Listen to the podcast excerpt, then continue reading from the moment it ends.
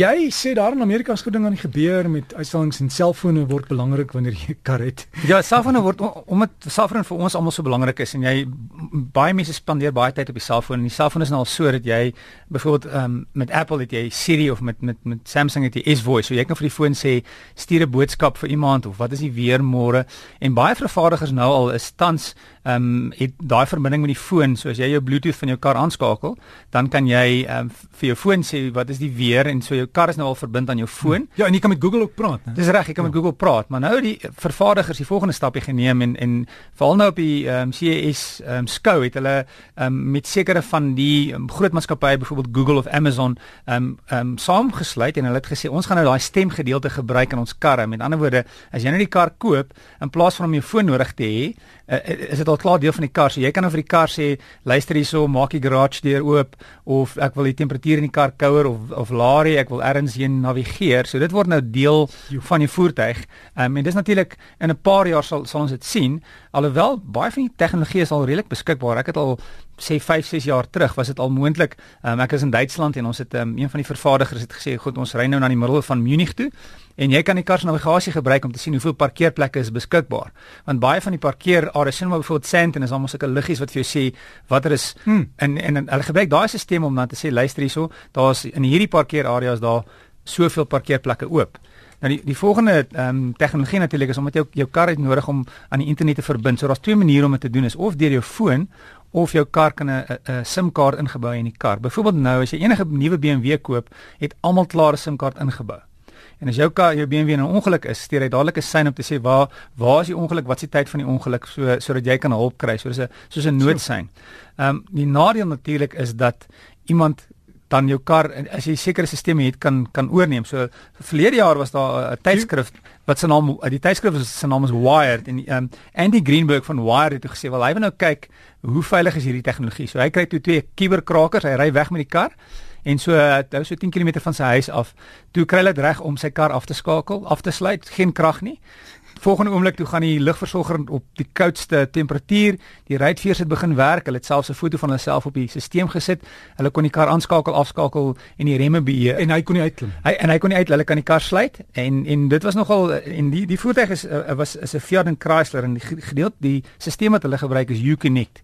So met ander woorde, die kar is aan die internet verbind en al wat hulle nodig gehad het was daai in Engels praat hulle van die IP adres. So hulle het daai adres kon hulle kry en hulle kon toe in die voertuig inkom. So ek dink in die toekoms gaan vervaardigers ook Sjoe. baie versigtig moet wees sodat jy nie enige ou net in die kar kan inkom. So jy moet amper moontlike antivirusprogram vir jou kar kry om seker te maak dat ouens nie die kar kan oorneem. So ek dink wat nou gebeur is die vervaardigers besef die die voordele maar ook die gevare in dit. So hulle moet seker maak dat die platform baie stabiel is dat jy nie maklik net um, van buite af iemand die voertuig kan oorneem nie. So gaan 'n vervaardiger dan in die toekoms as jy 'n probleem met jou kar het en sê jy gaan staan langs die pad, jou kar kan ingaan via die rekenaarstelsel om te kyk wat's fout. Verseker, ehm um, dis nou al redelik maklik om om net 'n masjien in te ja. uh, in te prop. So dit is nie as sodra jy verbind is aan die internet, gaan dit nie moeilik wees vir hulle om te sê dit is 10 teen 1 die fout of dit is die fout en jy kan elders in die Karoo sit en hulle kan nie in Gauteng sit en sê dis die probleem. Natuurlik het jy nog nodig iemand nodig om jou te kom help, maar hulle kan redelik al sien wat die probleem is. So die kar is al redelik verbind in die, in in die internet en meeste voertuie ehm um, veral as jy byvoorbeeld 'n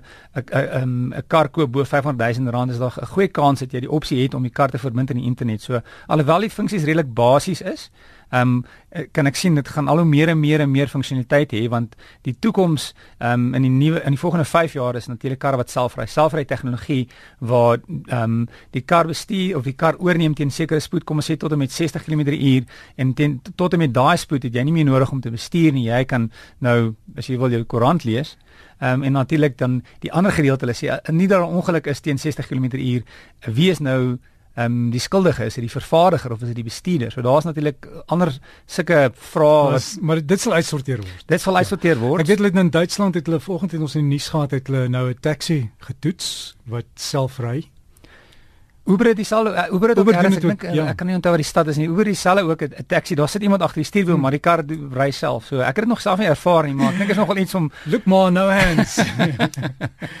ja. En dan jy het ook daar nuus oor die elektriese karre, die twee ja. vervaardigers ja. wat nou gekyk het wie se kar kan die vinnigste weg. Ja, want omdat 'n elektriese kar so baie wrinkrag en so baie krag maak, ehm um, is daar 'n uh, uh, uh, 'n maatskappy wat 'n splinternuwe kar, ehm um, Faraday Future en hulle kar se naam is die FF91.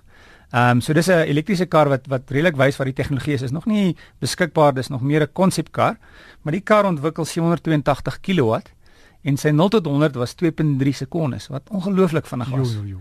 So ehm um, natuurlik kan ons sien elektriese karre is die toekoms en meer en meer vervaardigers probeer um, elektriese karre in in die stelsel insit. Suid-Afrika is dit nog nie heeltemal suksesvol nie aangesien ons baie maal sukkel met krag en um, ons het groot afstand om te ry en die groot probleem op hierdie stadium van enige elektriese kar is die afstand en die ryafstand.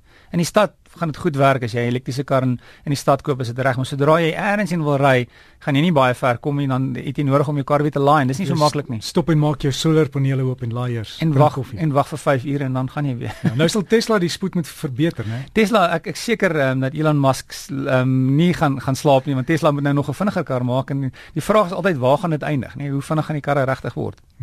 Ons moet jy alles van die beste baie dankie en sien uit om weer met jou te gesels volgende week. Lekker naweek verder.